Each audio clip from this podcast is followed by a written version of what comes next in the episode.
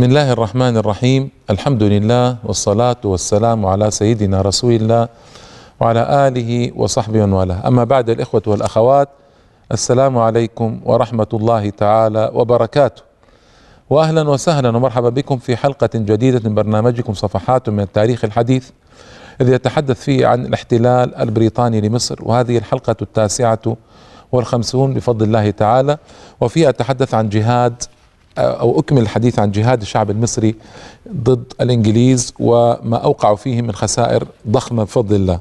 مما أقنعهم في النهاية لوجوب الجلاء من مصر أنه لا مكان لهم في مصر ابدا وليت هذه الروح الجهادية انتشرت في الشعب منذ زمن طويل. لكان أن انقلع الاحتلال عشرات السنين قبل ذلك لكن الله تعالى بالغ أمره جل جلاله. فالمجاهدون عمدوا إلى إنهاك الإنجليز وتدمير البنية التحتية للإنجليز. نسف الجسور. جسور تعد ويصرف فيها أموال وجهود وأوقات وتبنى بخوف شديد وترقب وترصد فتنسف ينسف الجسر. يأتي البريطانيون يعيدون بناءه يأتي المجاهدون ينسفونه من جديد. هناك قصص طويلة وجميلة ما أستطيع أن أذكرها بسبب الوقت. لكن النسف هذا فيه فنيات جهادية عالية ورائعة جدا وفيه تعريض النفس الهلكة لكن لا بأس إذا كان في سبيل الله إن شاء الله. نسف الجسور قطع أنابيب المياه وفيها يعني ذكاء في هذا القطع فيقطعون الأنبوب أنبوب الماء ويجعلون في طرفه قنبلة مثلا. فإذا جاء الإنجليز من أجل الإصلاح تنفجر قنبله فيهم. أو القناصة يكونون مستعدين. فإذا جاءوا ليصلحوا أنابيب المياه فالقناصة يقتنصون هؤلاء الإنجليز. وهكذا يعني روح جهادية عالية عالية جدا. أيضا قطع أسلاك الهاتف. بعض هذه الأسلاك كان مخبوءا في الأرض وبعمق عميق. مع ذلك يحفر وتخرج الأسلاك وتقطع. فإذا جاء الإنجليز يصلحوا تقتنصهم القناصة أيضا. إلى هذا الحد يعني من التحركات. آنذاك. نسف القطارات وكانت هذه من أصعب الأمور على الإنجليز. لماذا؟ لأن القطار هو وسيلة حركتهم. فإذا نسف القطار تعطلوا تماما في انتقال وسرعة الحركة و... فكان المجاهدون ينسفون القطارات. أو يأتون ليخرجوا القضبان من مسارها. إما نسف القطار بالكامل أو إخراج القضبان من مسارها. فإذا خرجت القضبان من مسارها تأتي العربة فطبعا تنقلب وتنقلب مع عربات كثيرة ويموت أناس إضافة إلى القنابل التي ترمى آنذاك والقناصه الذين يعملون ويقنصون الجنود البريطانيين. وهذه طبعا هذا شيء رائع ورائع جدا. حصلت عدة عمليات من هذا الباب وأزعجت الإنجليز إزعاجا كبيرا. أيضا إحراق مخازن النفط. مخازن النفط وهنالك حادثة في أن أحرقت مخازن هائلة للنفط لكن حادثة واحدة فقط. العامل ادعى وكان عامل من الإخوان لكنه مدرب وكان الإخوان من ذكائهم وحسن بلائهم في الجهاد أنهم وزعوا عمالا من عمالهم في القناة. فكانوا لهم أعينا وآذانا وفي الوقت نفسه كانوا يعملون عمليات رائعة جدا. أحد عمال الإخوان كان في هذا المخزن الضخم المنعزل فدعا أن في بطنه الما وطلب من رئيس الانجليزي أن يسمح له بالذهاب. سمح له وهو خارج اختبأ في كراتين منطقة فيها كراتين اختبأ في أحدها ولما أغلقت المخازن استطاع بفضل الله تعالى أن يثقب جميع الأوعية التي فيها النفط ويربطها بأسلاك معينة وبفتائل معينة فحدث انفجار هائل وهائل جدا وأنجى الله تعالى هذا العامل وخرج بفضل الله تعالى. هذا مثال فقط على الروح الجهادية إذا كانت عالية. ماذا يمكن أن تصنع ضد الاحتلال وضد رموز الاحتلال وضد البنية أو البنية التحتية للاحتلال؟ والعجب أن أخذ لوحي من خشب رماهما فوق الأسلاك الشائكة وقفز فوقهما إلى وجرى بعيدا إلى أن نجاه الله تبارك وتعالى. انظر لهؤلاء الرجال الشجعان رجال أبطال. صدقوا ما عاهدوا الله عليه وقرروا الجهاد فانظروا ماذا يخرج منهم. وفي الحقيقة هؤلاء الرجال محوا جميع الخزي والعار الذي كان مسيطرا على قطاعات كبيرة آه، في آه، الشعب المصري آنذاك من الذل والهوان والرضا بالاستسلام للاحتلال البريطاني آه، هذه هؤلاء الرجال العظماء يعني قاموا بواجب كبير وفرض عين نجحوا في إقامته بشكل رائع وجميل وجميل جدا. فكروا أن يهاجموا بعض المطارات والمطارات منعزلة وبعيدة ودونها صحارى مهلكة. لكن مع ذلك بعضهم قطع هذه الصحارى وأتى إلى المطار وقطع الأسلاك الشائكة وأراد أن يدخل لكن فسدت حيلته في آخر لحظة. لكن انظروا لهذا التفكير المتقدم ضرب المطارات والطائرات. و وهذا شيء رائع ورائع جدا. أيضا حاول الإخوان المجاهدون منهم أن يغتالوا القاده الإنجليز وحاولوا مع أحد القادة لكن محاولة أن تنجح لكن ألقت الرعب في قلوبهم. أيضا نسف الجنود بحيل آه، عجيبة ومبتكرة. من أجمل هذه الحيل التي آه، قرأتها في الحقيقة أن آه، بائع برتقال جاء لثلاثة جنود. طبعا البرتقال انتقي ليكون أجود من أجود أنواع البرتقال والجنود الثلاثة في سهر أو سمر. فمر عليهم بائع البرتقال بعربته فأعجبوا بالبرتقال طلبوا منه أن يبيع البرتقال فأعطوه المبلغ ادعى أن ليس عنده الباقي فأخذ المبلغ وقال سآتي لكم بالفكة يعني وكان تحت هذا البرتقال آه، قنابل فانفجرت فقتل الثلاثة بفضل الله تعالى ومنه. يعني هذه بعض الحيل التي كانت تستخدم لقتل الجنود البريطانيين كما قلت لكم لإضعاف الهيبة في النفوس ولتشجيع سائر قطاعات الشعب أن يلتحقوا بمعسكرات التدريب من أجل أن يتدربوا على الجهاد في سبيل الله ومن أجل أن يقنعوا الإنجليز أنه لا بقاء لهم في مصر ابدا وأن الشعب كله يقاتلهم وليست فقط فئات من الشعب. وكان هذا مهما ومهما جدا. آه الأستاذ كامل الشريف في الحقيقة رحمة الله عليه توفي أحد كبار الإسلاميين وهو من الاخوان المسلمين وكتب كتابا سماه المعارك السرية في قناة السويس. كتاب هذا رائع جدا يجدر بكل مسلم ومسلمة أن يقرأه. وكتاب فيه تضحيات وبطولات وفيه بيان أن الشعب إذا أراد الحرية وأراد الجهاد سبيل الله لا يمكن أن يقف في وجه حائل من هؤلاء الضعفاء من الأعداء والكفار. ما يمكن لأن المسلم أصلا عزيز كريم. فإذا قرر أن يضيف إلى هذه العزة والكرامة الجهاد في سبيل الله ومناوئة الأعداء من ذا الذي يستطيع أن يقف أمامه وإزاءه؟ لا يمكن مستحيل. فنقل الأستاذ كامل الشريف هو أصلا كان مسؤولا عن عن العمليات الجهادية في مصر هو. هو الرأس المدبر لكل هذه العمليات ذكرتها لكم من قبل تقريبا وذكر كيف بدأ يعمل وكيف اجتهد وكيف اتصل بالعمال من الإخوان وكيف اتصل بالضباط من الإخوان وكيف نسقوا الأمور ونسقوا نقل السلاح إلى آخره. كلام رائع في هذا الكتاب آه، يعني في الحقيقة أحيلكم عليه تستفيدوا منه.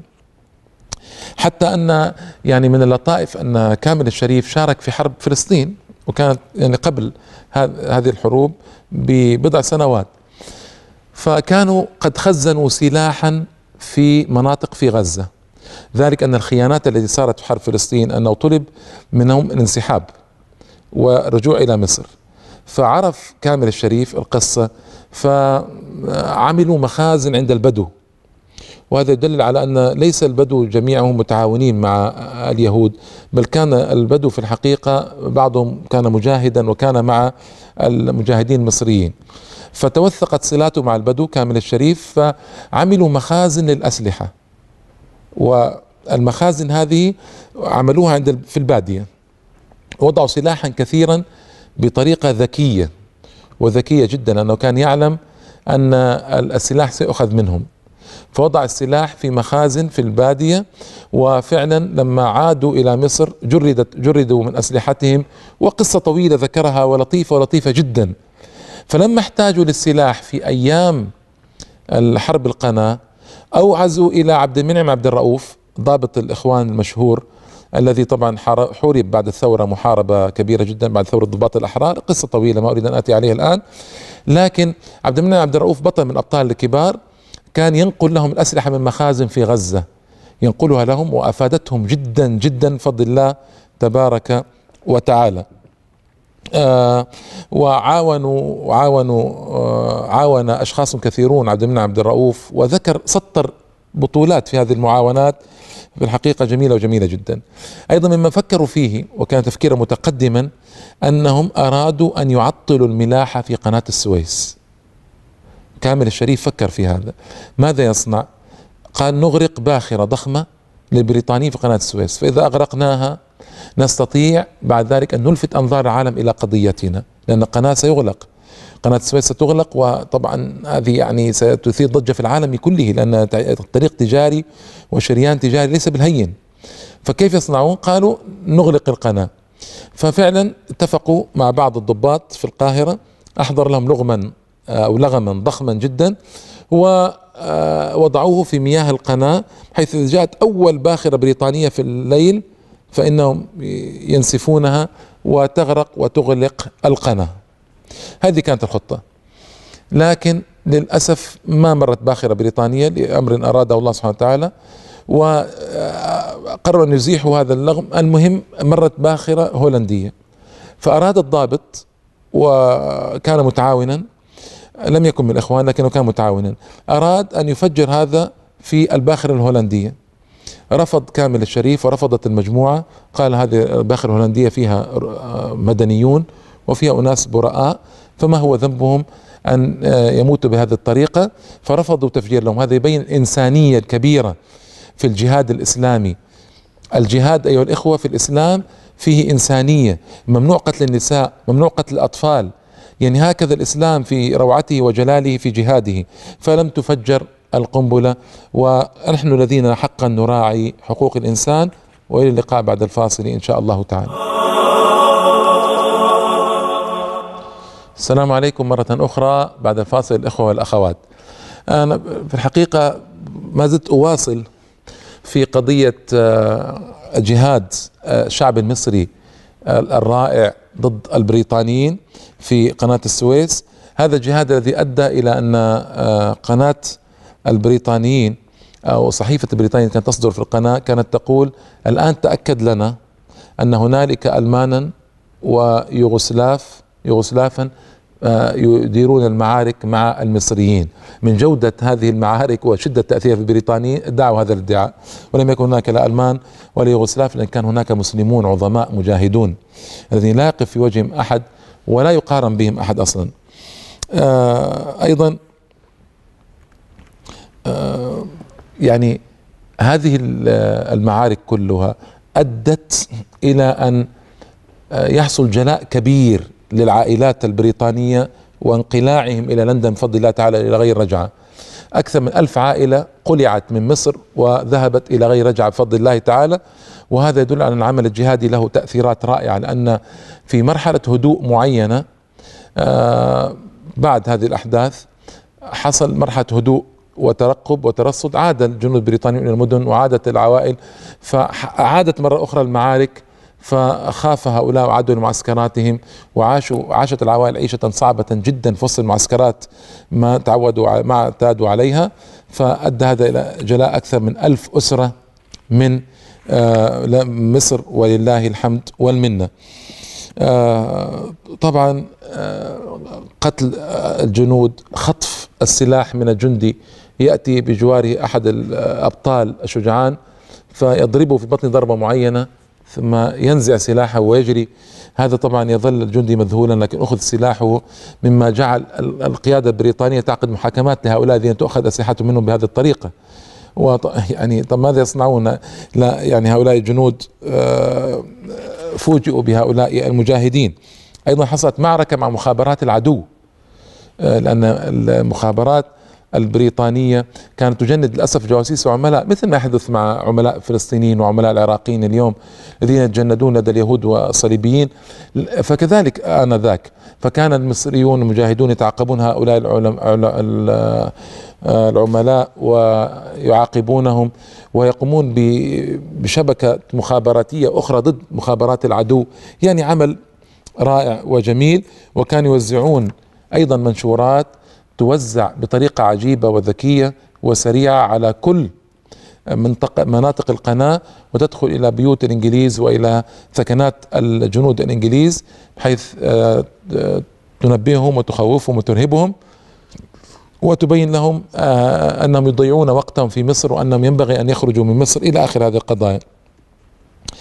مثل هذه القضايا كلها أكدت آه، أن الجهاد بلغ مداه في منطقة القناة وفعلا وصلوا إلى نتائج رائعة ورائعة جدا آه، أدت إلى عدم اطمئنان الإنجليز أبدا إلى بقائهم في مصر آنذاك. فحصل القرار الذي آه، كان يتمناه المصريون من أكثر من سبعين سنة. حصل القرار الطويل التاريخي بأن الإنجليز لا مكان لهم في مصر. الإنجليز لا مكان لهم في مصر. الحكومة كان ذاك كانت قد تغيرت والملك السابق آه، فاروق كان قد عزل ونفي وتحولت مصر من ملكية إلى جمهورية وتولى الضباط الأحرار مسؤولية الحكم. في البداية كان محمد نجيب ثم أقصى الضباط أقصوا محمد نجيب لاتجاهه الوطني الإسلامي في الجملة وتولى عبد الناصر.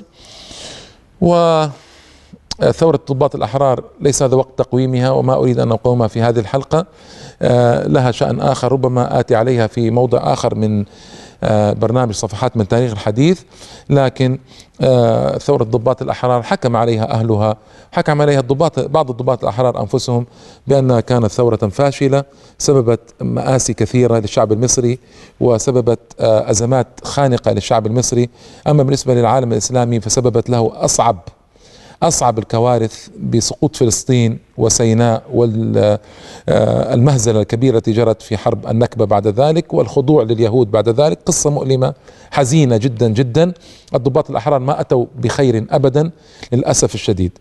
لكن أنا الذي يعنيني الآن أن بريطانيا قررت الجلاء. ماذا تصنع؟ اتفقت مع الضباط الأحرار على أن تجلو عن مصر لكن أن يكون لها قواعد في منطقة القناة صالحة للاستعمال الفوري. أن يأتي الإنجليز في أي لحظة ويصلوا إلى قواعدهم لو هددوا في مصالحهم في مصر أو في مناطق قريبة من مصر. هنا طبعا وافق الضباط الأحرار توقيع هذا. وما كان بهم حاجة لهذا لكن المشكلة أنهم وافقوا. وهذا مثل مسمار جحا سيكون في قلب الدولة المصرية. ولهذا اعترض الإخوان وكانوا القوة الوحيدة على الساحة آنذاك التي تملك الاعتراض وهي قوة رائعة وكبيرة وضخمة اعترضوا على عبد الناصر وتوقيع اتفاقية الجلاء هذه. فكان عبد الناصر يغضب منهم ويطلب منهم ألا يعارضوا اتفاقية الجلاء. وهذا وصل به يعني بهم جميعا إلى طريق مسدود. عبد الناصر بعد ذلك أخذهم ووضعهم في السجون في قصة طويلة أيضا ليس هذا وقتها ليس هذا وقتها.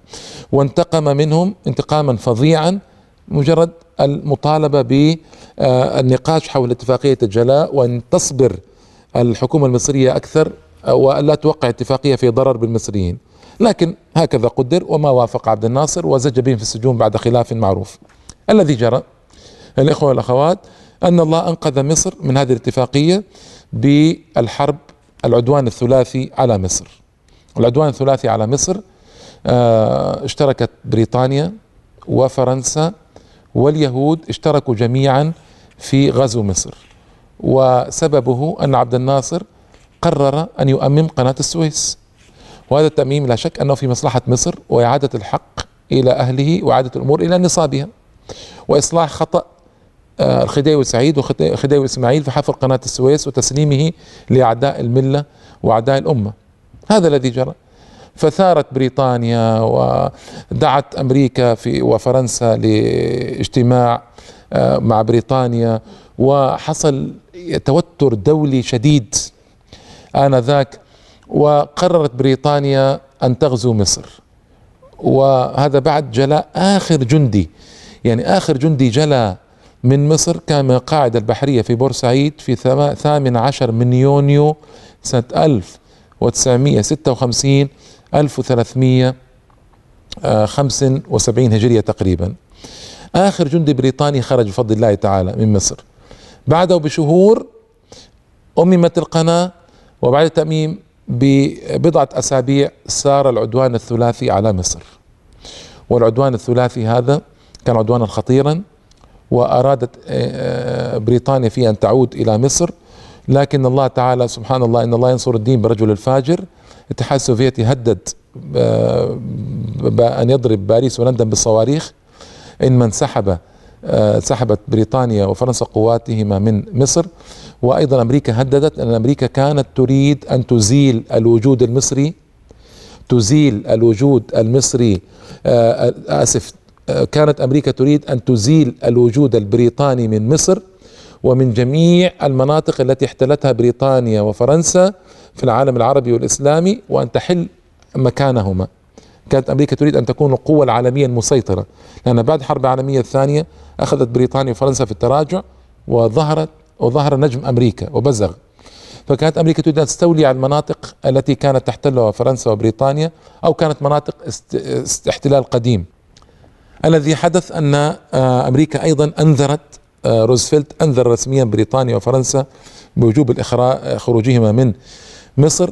فهذا كله تضافر على القوات آه، الفرنسية البريطانية المشتركة فاضطرتا للخروج. أما اليهود فكانوا يقولون أن لا يمكن نسمح بتأميم قناة السويس ما لم تضمن مصالح آه، دولتنا في المرور بقناة السويس. وطبعا كان اليهود منعوا من قناة السويس المرور فيها إلى أن عقدت الاتفاقية المشؤومة اتفاقية السلام مع اليهود وصارت السفن اليهودية تدخل إلى قناة السويس للأسف الشديد بعد ذلك. المهم انسحبت بريطانيا من منطقة القناة وكان هذا الانسحاب منقذا لمصر من آثار الاتفاقية اتفاقية الجلاء. لأن اتفاقية الجلاء نصت على بقاء بعض القواعد البريطانية كمسمار جحا كما قلت لكم طبعا العدوان هذا نسف كل شيء وخرجت بريطانيا يجللها العار والشنار خرجت إلى الأبد بفضل الله تعالى وخلصت مصر لمصريين وللعرب وللأمة الإسلامية بفضل الله تعالى. آه، طبعا المطامع المطامع في مصر لم تنتهي ولن تنتهي ابدا، مصر هي رائدة في العالم العربي والإسلامي وقائدة في العالم العربي والإسلامي، لابد أن نفهم هذا. ولكن للأسف بعد توقيع المعاهدة المشؤومة مع اليهود حيدت مصر تحييدا كبيرا جدا عن الدول العربية والإسلامية ومشكلات وهموم الدول العربية والإسلامية إلا قليلا.